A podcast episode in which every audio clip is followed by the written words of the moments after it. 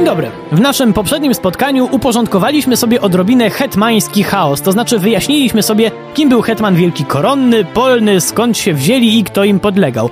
A dziś odrobina zakulisowych informacji, bo wielka władza dawała wielkie możliwości współtworzenia polityki i robienia takiej kasy, że klękajcie narody. Ile mogli, ile zarabiali hetmani i komu się to nie podobało? Przy mikrofonie Wojtek Drewniak, pora na program w Drewniakach przez świat.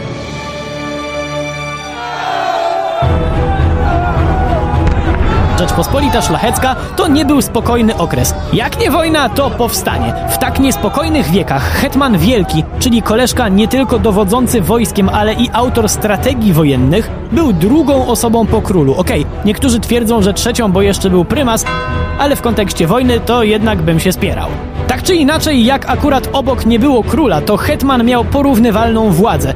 To nie zawsze musiało oznaczać coś złego, bo czasem przecież zdarzy się król oderwany od rzeczywistości, który może wydać głupie rozkazy. A hetman? Fakt, czasem bywali i gorsi, ale w większości byli to bardzo doświadczeni wojownicy, bo jak inaczej określić Sobieskiego, Żółkiewskiego czy Chodkiewicza?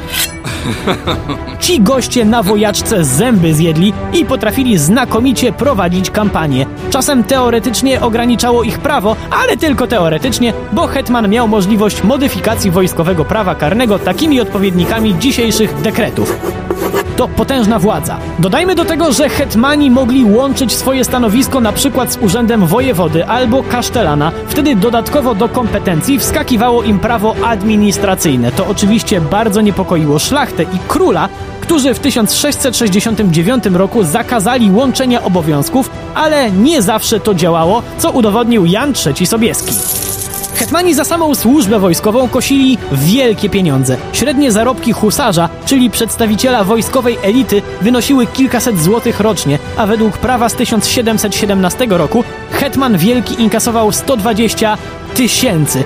A to była tylko część zarobków, bo do tego dochodziły zarobki za inne fuchy i ogromne pieniądze z posiadanych ziem. Zerknijmy na przykład na zarobki Jana Zamońskiego. Rocznie na czysto zarabiał jakieś 300 tysięcy złotych. Oczywiście część inwestował dalej, trochę też wydawał na artystów, ale to nadal niepojęte pieniądze, zwłaszcza jak na tamte czasy, choć przyznajmy wszyscy, 300 tysięcy złotych rocznie to i dzisiaj budzi zazdrość.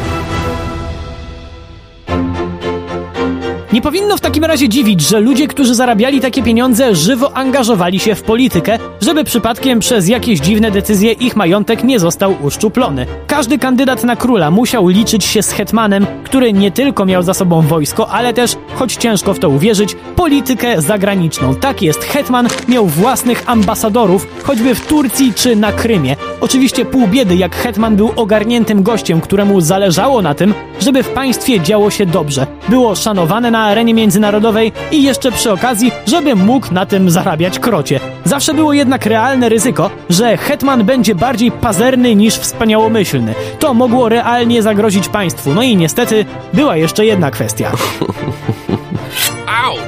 Silny hetman mógł mocno pokrzyżować plany ościennych mocarstw, które chciały położyć ręce na Polsce. To też z przynajmniej dwóch powodów przez lata konsekwentnie dążono do osłabiania władzy hetmana wielkiego.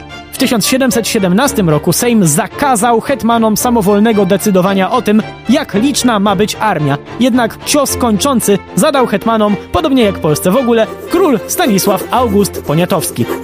W 1764 roku podporządkował bowiem hetmanów Komisji Wojskowej Koronnej i Komisji Litewskiej Koronnej. To jednak nie wszystko, bo w kolejnym roku hetman z rozkazu króla przestał być najważniejszym wojskowym urzędnikiem. Powstał Departament Wojskowy Rady Nieustającej. Co prawda urząd hetmana dalej istniał, ale niegdyś potężny dowódca musiał o wszystkim raportować przełożonym.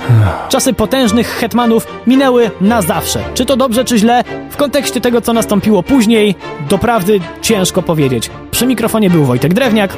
Do usłyszenia.